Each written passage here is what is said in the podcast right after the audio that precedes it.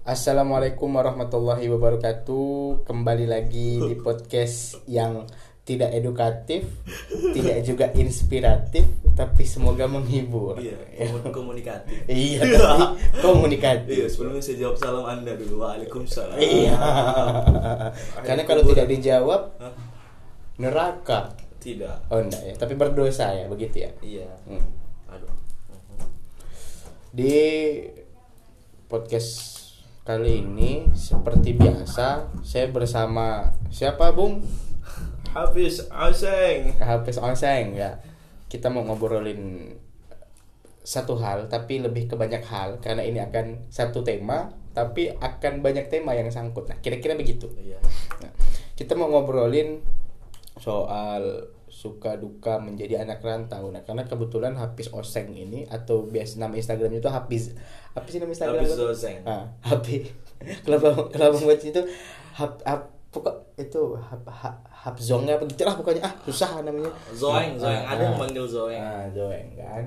Nah, jadi kita mau karena kebetulan dia ini juga anak rantau walaupun ngerantaunya ndak jauh-jauh amat gitu ya. Iya. Jadi kita mau bertanya, mau bercerita soal suka duka jadi anak rantau tuh gimana sih gitu. Iya, iya, siap. Eh Awal dulu. sukanya dulu lah. Kalau kira-kira setelah Lebih baik dukanya dulu kali. eh, kenapa? Kenapa harus duka dulu dibanding suka? Ya karena kita selalu diawali dengan suka, akhirnya ber- berduka. Tapi- Paham, eh, paham sampai sini paham. Paham. ya kan? Paham. Kita bersenang-senang di awal, baru bersakit-sakit kemudian pada dasarnya. gitu. Nah, jadi Tapi kalau diawali dengan duka emang belakangnya pasti suka. Ya nggak tahu. Biasa duka langsung duka aja gitu. Nah, oke. oke. Oke, berarti kita bahas dari dukanya dulu. Nah, Hmm. sudah jadi anak rantau berapa lama? Tiga tahun? Eh berapa? Empat. Kurang lebih tiga tahun. Tiga tahun. Oke. Sebelumnya udah pernah merantau selama setengah tahun. Oke, berarti total total Setengah tahun.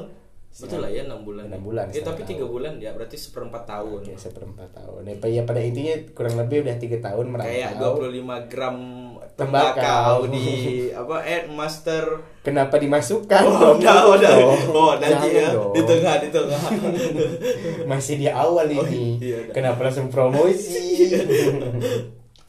Apa dulu se waktu SMK sekolah dulu Hmm, per- iya. udah pernah merantau sebenarnya ke Pontianak selama tiga bulan kurang lebih. Kalau magang jangan kau sebut rantau lah itu. Ya, tapi kan merantau, kami jauh-jauh datang dari desa. Emang dari mana sih aslinya? Aslinya saya dari Sangat basa-basi sekali kayak orang baru kenal. Bukannya gitu. Iya, tapi kan sampai mungkin di map sudah ada gitu. Karena saya terletak di kota Pemangkat yang akhirnya kawan-kawan forum Pemangkat kota. tidak tidak di kota, oh, di desa. Enggak pemangkat kota. Kota. Oh, kota. Maaf. Egosentrisnya harus kuat. Nah, entah ini diksinya betul atau enggak. Pokoknya itu kami selaku orang pemangkat harus pemangkat harus kota. Ya. Ah, iya iya. pemangkat iya, itu iya, terkenal iya. dengan bekelai. Oke. Eh, berasal dari Pemangkat. Sambas, eh, apa lebih khususnya pemangkat ya. Ada khususnya lagi. Apa tuh? El khusus ya. Oh, iya. Iya, apa tuh? Khususnya di Desa Prapakan. Oke. eh, dusunnya Anggara. Oke, ya itulah pokoknya silakan nanti teman-teman cari di web saya itu ya. Kalau ketemu. Kayaknya sih desanya jangan ketemu kalau masuk ke dusunnya ada. Oke, berarti eh, SMA eh, eh, SMK pernah tiga bulan. Bulan. Kemudian kuliah ini udah hampir tiga tahun ya, karena sekarang masuk semester 6 Nah, Iya. eh duka lah, enggak usah duka, suka dulu lah kita. Suka, nah, suka. sukanya jadi anak rantau tuh apa sih? Suka. Kalau suka bercerita suka anak rantau itu ketika kita datang di kota ini kita merasa banyak hal-hal yang baru gitu. Eh, kampungan gitu ya? Eh, Tidak, tidak, Oh tidak. bukan, oh bukan. Ya, kalau kawan-kawan yang lain kampungan itu wajar. Kalau saya kan udah pernah datang ke Pontianak sebelumnya. Oke, iya. Ketika Ah. menetap kuliah. Ya memang awalnya kampungan juga dulu waktu tiga bulan pertama itu kampungan. Jadi ketika kita lihat hal-hal yang baru tuh kayak mana ya? Misalnya kayak nggak pernah kita ketemuin Iya. gitu. Tep- Yang dulunya mojok di hutan kok ini nggak ada gitu kan? Karena memang nggak ada hutan di sini. Tapi kalau kalau konsep kampungan itu Iya. sebenarnya apa ya? Se- semua orang akan merasakan itu, bukan hanya untuk orang yang dari desa kemu- apa dari desa kemudian ke kota terus dibilang kampungan. Nah, siapa pun yang Ah. menemui hal baru, Ah. maka dia akan apa ya bukan kampungan senorak lah bahasanya. Karena dia tidak tahu dengan dengan sesuatu yang baru ini dia dia perlu adaptasi lagi gitu. Orang kampung ke kota kampungan. Kalau orang kota ke Ke- norak ke kampung. Iya iya ke sama. Kotaan bukan? Enggak juga lah. Jadi sebenarnya kampungan oh, jok sampah. jam enggak. Kampungan tuh kan terlalu kasar. Orang Iya, iya. biasanya norak kan. Kayak misalnya orang yang belum belum apa ya belum pernah naik pesawat misalnya. Kemudian dia pertama kali naik pesawat dia akan terlihat norak. Hmm. apa terlihat norak? Karena dia tidak pernah melakukan itu sebelumnya. Hmm. nah contoh kayak tadi orang dari desa ke kota atau orang dari kota yang biasa lihat gedung tinggi gitu kan. Kemudian Hmm. sekali ke pedesaan ketemu air terjunnya udah foto-foto. Padahal kita di sana tempat untuk nyuci baju Iya. cuci piring gitu-gitu kan. Nah itu juga akan ya ada sisi noraknya masing-masing dari kita. Ya gitu. Oke selain kalau itu. bercerita suka sukanya pertama kalau di kota ini kita merasa tidak ada batasan waktu. Karena jauh dari orang tua tidak ada yang eh, Tidak juga. mengingatkan harus pulang gitu-gitu. Ya mungkin itu sedikit lah. Tapi yang sukanya seperti itu kita sepertinya tidak ada batasan waktu gitu. Kalau di kampung itu anak tidak tahu diri memang. Nggak maksud kalau di kampung itu kita punya nggak, nggak ada batasan waktu juga sebenarnya. Aku ke orang tua biasa aja cuman yang menjadi hal pembeda itu ketika kalau di sana itu udah jam 11 itu kayaknya udah udah larut malam gitu. Udah Cuman- seharusnya pulang ke rumah ya? Iya, anak kamu harus pulang gitu. Seperti ada panggilan di telinga Ah, gitu oke. Kan. karena pernah satu kali aku coba apa ya, hal yang ada di kota ini ke bawa ke kampung dan orang tuaku eh, respeknya beda gitu aku pernah pulang jam 2 atau jam 3 malam waktu Iya. di sana ya. Itulah dimarah gitu. Padahal kita di kota itu udah biasa gitu. Karena mungkin gini kali di satu sisi eh, pulang malam bagi anak laki-laki khususnya ap- apalagi anak perempuan ya di atas sudah di atas jam 10 jam 11 itu mungkin masih menjadi hal tabu sehingga masih apa jadi omongan tetangga. Nah tapi mungkin untuk- aku kalau laki gimana jadi omongan Iya kalau laki oh iya mabuk mabuk Iya, iya anak anak laki-laki balik jam 2 pun kalau di kampung ya juga orang juga bertanya-tanya kan dia pulang jam 2 ngapain? Gitu. Kerja bukan apa bukan? Gitu kan. Toh kalau kerja kerja apa juga? Pulang jam 2 kan gitu. Iya betul betul. Nah mungkin masih ada eh, stereotip atau stigma-stigma yang begitu sehingga ketika budaya ah, bukan budaya sih kebiasaan ketika merantau kita pulangnya larut malam tidak ada batasan waktu tadi yang kayak dirimu bilang ketika itu kita bawa ke kampung halaman rasanya jadi aneh ya. Aneh Hmm. sumpah. Oke, terus selain eh apa tadi itu? Banyak ketemu hal baru, kemudian tidak ada batasan waktu, apalagi yang menjadi sukanya menjadi anak rantau nih. sukanya menjadi anak rantau kita bisa menertawakan orang-orang kota yang harus disuruh pulang sama orang tuanya Oh iya, oke seperti oke. anda kan harus pulang gitu. Tidak disuruh tapi memang pengen pulang. Iya ada panggilan Enggak kan? juga. Iya kami bisa menertawakan dengan kawan bisa mengolok-ngolok gitu kalau dia pulang awal atau bagaimana gitu padahal kalau kami di sana begitu juga gitu kan yang lebih sukanya adalah kita ketika apa ya ketika kita melihat eh, bahwa oh begini loh sisi lain dari kota sisi buruknya yang perlu kita bukan sisi buruknya Kau ngelihat sisi buruk kota bahagia, suka. bukan bukan tunggu dulu itu belum selesai. Oh iya bukan gimana tuh? Maksud itu kita akan mendapat pelajaran dari sisi-sisi buruknya yang ada di kota. Oke.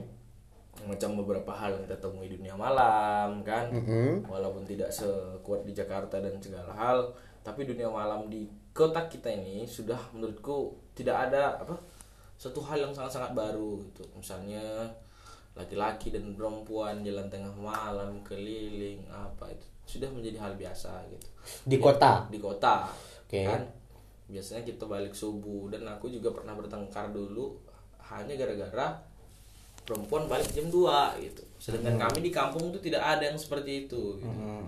nah hal-hal gitu yang perlu kita ambil bahwa penghapusan stigma-stigma seperti itu gitu pokoknya dapat pelajaran baru lah gitu pokoknya di sini jadi apa kayaknya otak tuh ah, otak gimana ya Pola pikir ya, pola pikirnya pikir. nggak salah gitu kalau kita di kampung tadi yang macam disampaikan stigma laki-laki balik jam 2 pun masih dikatakan eh, Iya, mabuk, masih- mabuk ini, masih ini. jadi Padahal omongan tetangga benar, ya. gitu, iya kan? Nah, jadi kalau kita di sini itu nggak ada seperti itu gitu. cuman hal buruknya yang oh iya, tapi ini masih yang suka ya Iya. Udah, Jangan nanti- masuk duka dulu lah. nanti ini rekomendasi internal Oh, iya. nanti itu eksternal. Terus Jadi- eh, apa lagi apa lagi sukanya apa lagi?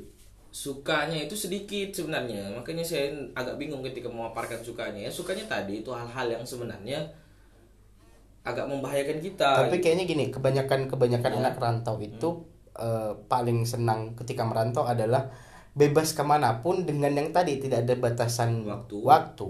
Nah, kita bebas ke mana pun yang menentukan itu budget. Hmm. Mau ke mana pun tidak ada budget kan susah. bisa Nah, jadi nanti itu masuk ke duka itu ya.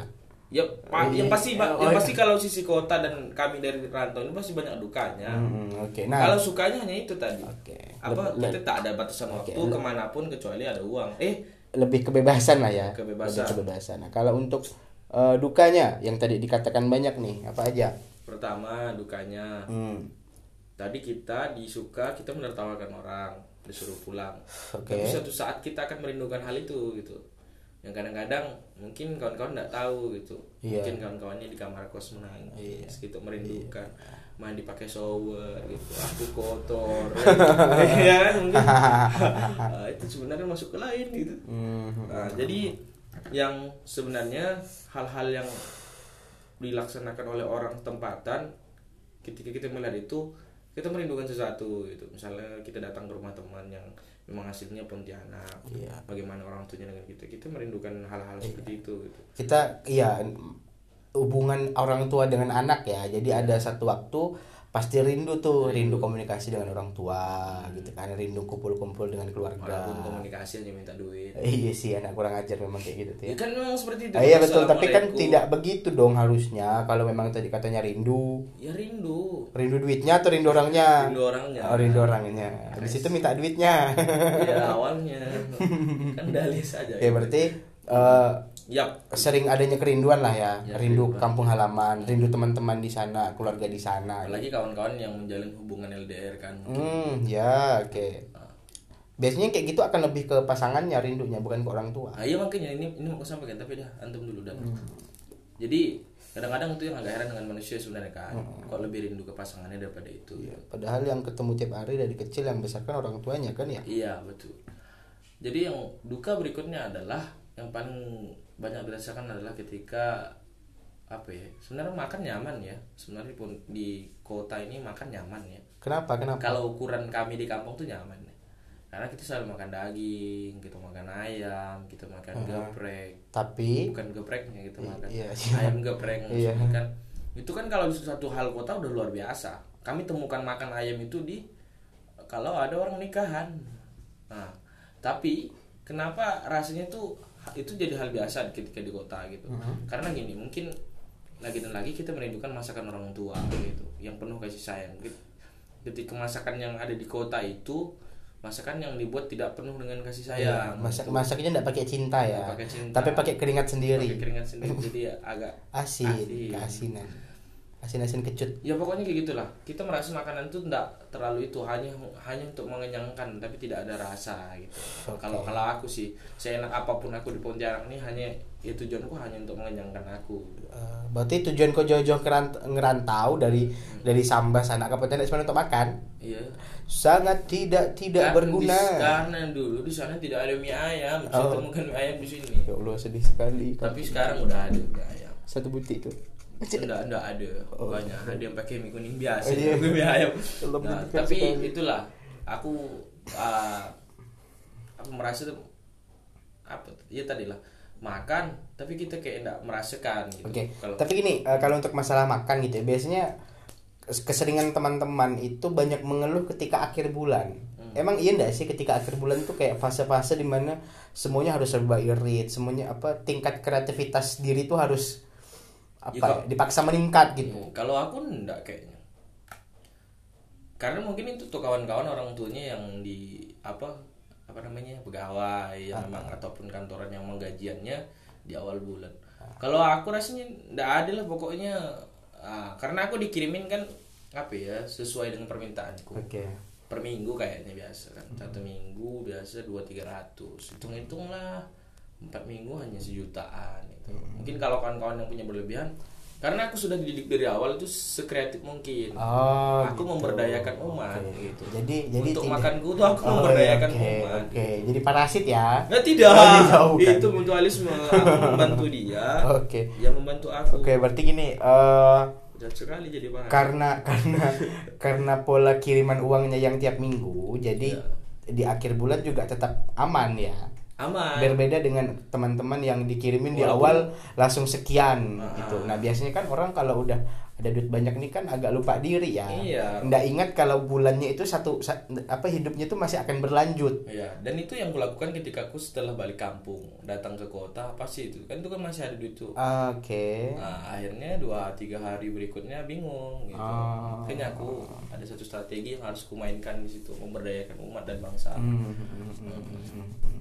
Berarti tetap Nasionalis sekali. berarti berarti untuk masalah keuangan Aku eh, nggak- aku- terjepit di, di di di akhir bulan untuk persoalan makan itu tidak jadi persoalan ya. Kalau aku, Oke. tapi kalau kawan-kawan yang lain kayaknya banyak juga. nah, Iya, kalau- karena kalau di awal bulan itu makannya terhitung mewah, Iya. giliran di akhir bulan terpaksa Indomie Iya, atau mie telur. ya apalah yang ya- yang bisa dimakan gitu nasi kan. Oke. digoreng sama garam. Oke, hal paling hal paling menyedihkan sejauh ini selama menjadi anak Ah. rantau. Ya, ketika anda sakit, Oh iya. Oh, tapi sakit jangan dikonotasikan sakit yang berat enggak. Ketika kau demam, kalau kau di rumah di sana ada yang Oh, iya.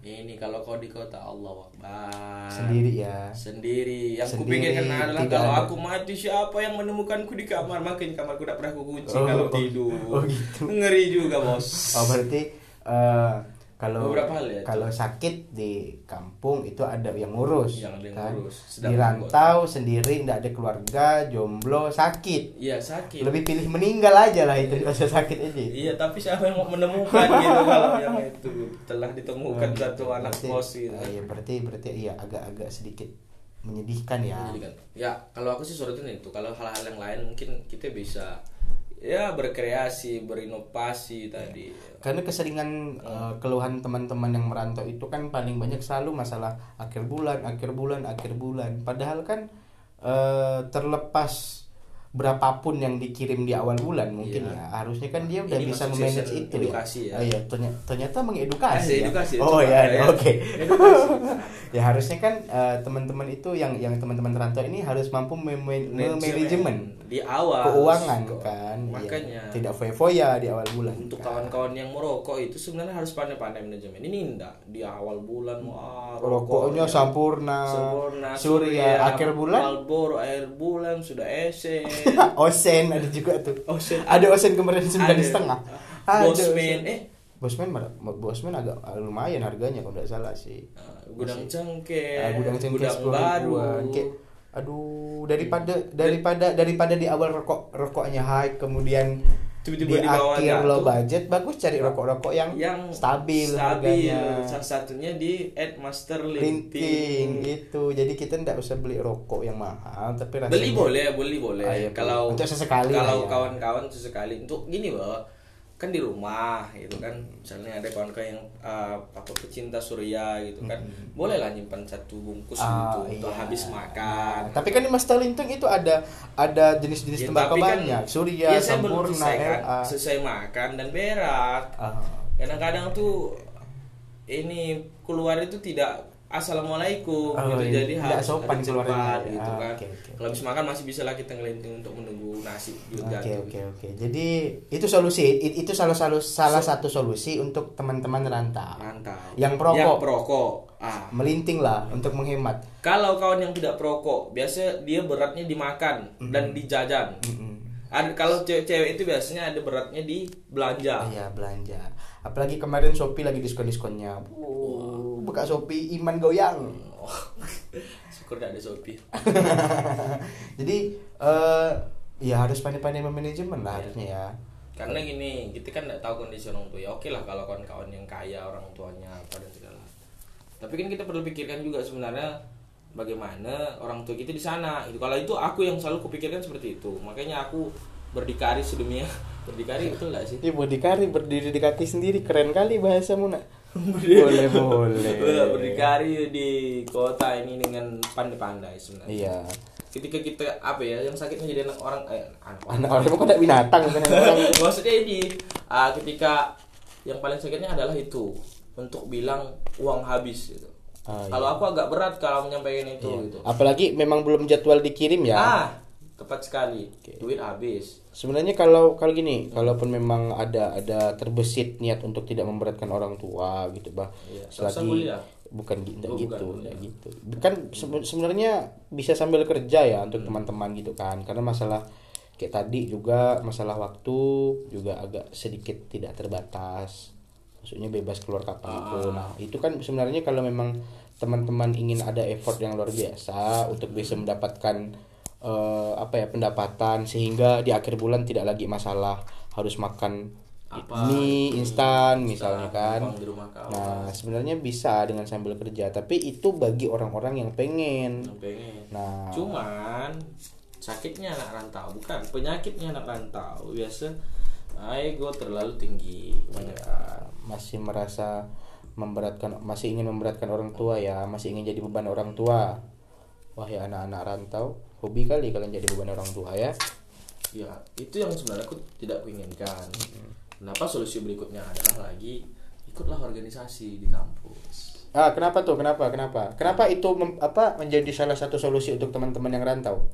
karena ketika ada kegiatan antum kan dapat makan oh dan pas makannya kalau ada link di situ bisa dapat kerjaan Ya, dan ada tempat tinggal ya, Ah, karena organisasi sekre kan ada biasa kan. sekre. kalau organisasi Nah, ada sekre Jadi uang uang kos itu bisa dialihkan Alihkan. ke dan, apa? dan ada kawanku yang paling pandai setiap ada beasiswa dia daftar Hmm, tapi dia tetap minta dengan orang tuanya duit itu Bu. anak tidak tahu diri. jadi dia seperti orang kaya setiap Oh. bulan sudah ada beasiswa tolong sadar kalian wahai penggila beasiswa masih banyak yang memerlukan beasiswa. Masih ada yang lebih layak. ada yang lebih layak. Masih ada itu maksud layak. maksudku bukan begitu ya bukan kita menguras orang kaya. Kenapa sampai hari ini aku tidak tidak terlalu tergila-gila dengan beasiswa?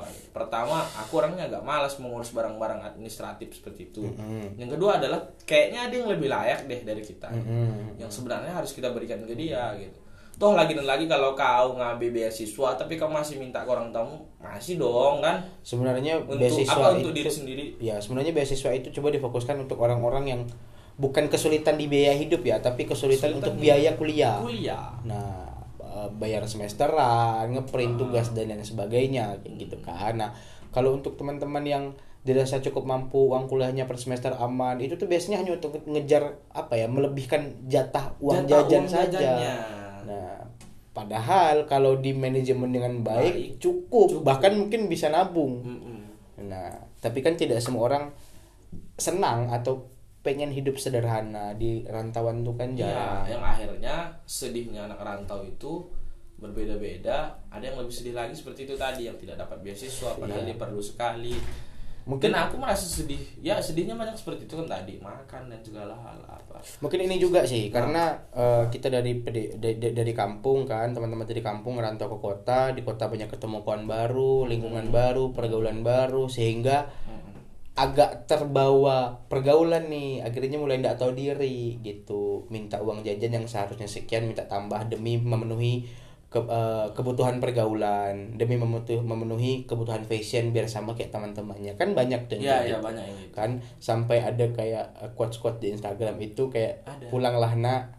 Eh, jangan berlagak kaya. Rumahmu di rumahmu di kampung hampir tuh hampir roboh gitu gitu lah Ah, kira ya. maksudnya Banyak. itu lucu. Itu ada pesan lucunya tapi di situ miris gitu loh.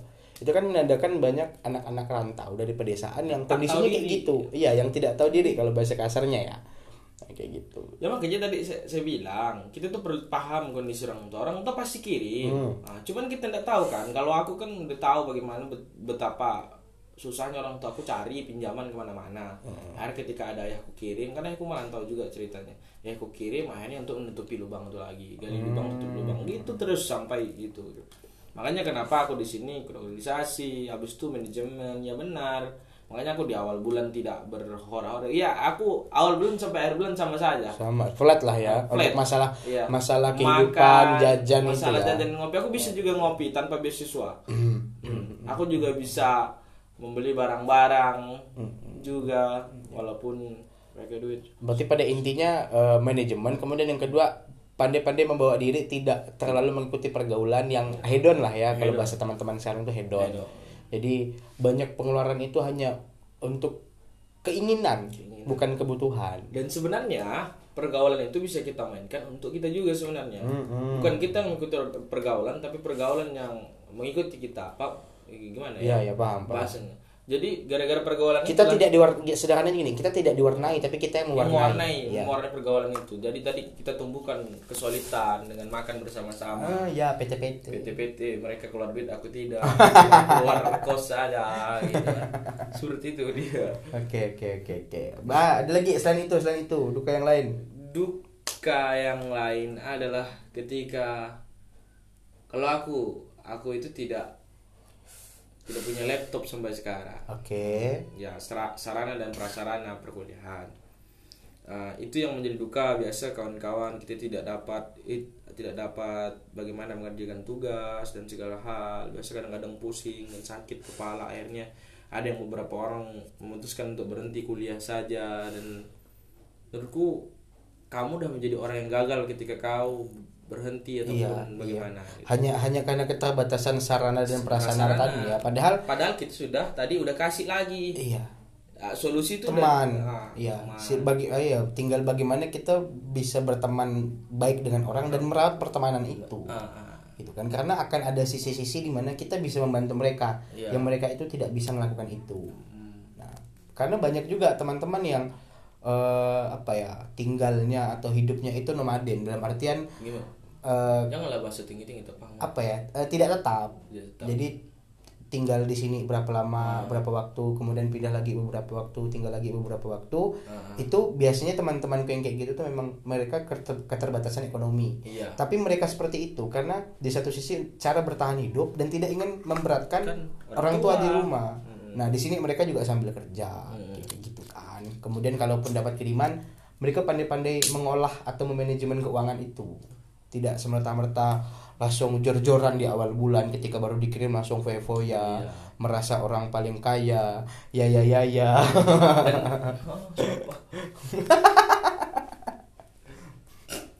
Dan, juga pola ngopi kita.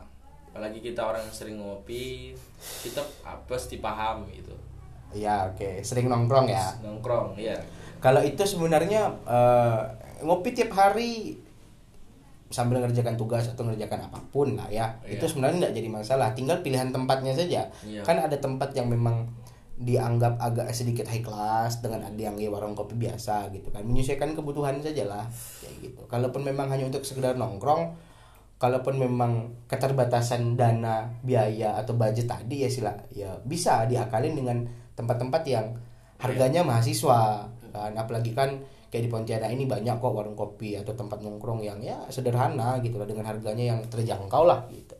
Ya dan juga ini titik yang paling apa ya kawan-kawan yang belum datang ke Pontianak ataupun datang ke kota ataupun merantau yang belum merasakan adalah jangan pikir sisi jeleknya du bukan bagaimana? Jangan sisi duka sisi jangan pikir dukanya sedihnya dulu. Teman-teman sebenarnya udah bisa mempersiapkan sejak dini. Bagaimana bisa bertahan hidup dengan itu hmm. salah satunya dekati abang-abang yang sudah kuliah tapi ambil dulu yang baiknya karena banyak abang-abang yang sudah kuliah ini tidak tidak belum baik bukan tidak baik ya, ya. Tidak, belum baik oke okay. agak diubah bahasanya padahal pengen tidak baik tadi itu oke okay, ya tapi begitu maksud saya apa ketika kami itu ya kalau aku dulu Pontianak dulu Pontianak tuh aku kira kita bakalan sengsara benar-benar di sana gitu. Iya makan kita harus wah begini harus banyak pengeluaran dan kita harus pandai-pandai kita takut kena tilang tapi ternyata? Ternyata tidak. Oh, nah. Semua itu kan bisa diakali dengan pertemanan tadi pertemanan kan? dan yang bahkan kan kan takutkan ada tilang segala. Hmm. menurut saya di Pontianak jarang sekali apa di kota besar itu jarang sekali Kalaupun itu berarti kamu memang tidak menaati apa pun yang ada ya, gitu kan. Iya, iya, ya. Jangan bawa ego kampung kamu spion kan. Jangan barbar lah di tempat Jangan orang. Di tempat begitu. orang kan. gitu. Kan konsepnya di mana pun kita hmm. berada di luar tempat kita ya kita harus mematah apa ya mengikuti, mentaati, menghormati apa yang ada di situ, apa yang hmm. diterapkan di situ ya, kan. Ya. Nah, kayak gitu sih. Oke, terima kasih mungkin edukasi yang iya, sangat sangat, panjang. edukasi edukasi isinya ya. Isi edukasi kita memberikan uh, apa cak membuka cakrawala. Membuka cakrawala. Terlalu jauh membuka cakrawala. Iya, tapi kita kan berusaha menetralisir Oke, otak-otak oke. kawan-kawan yang belum datang ke sini gitu. Mari datang ke sini kita berduka bersama-sama. terima Oke, kasih. terima kasih. Sampai bertemu di podcast podcast selanjutnya. Bye.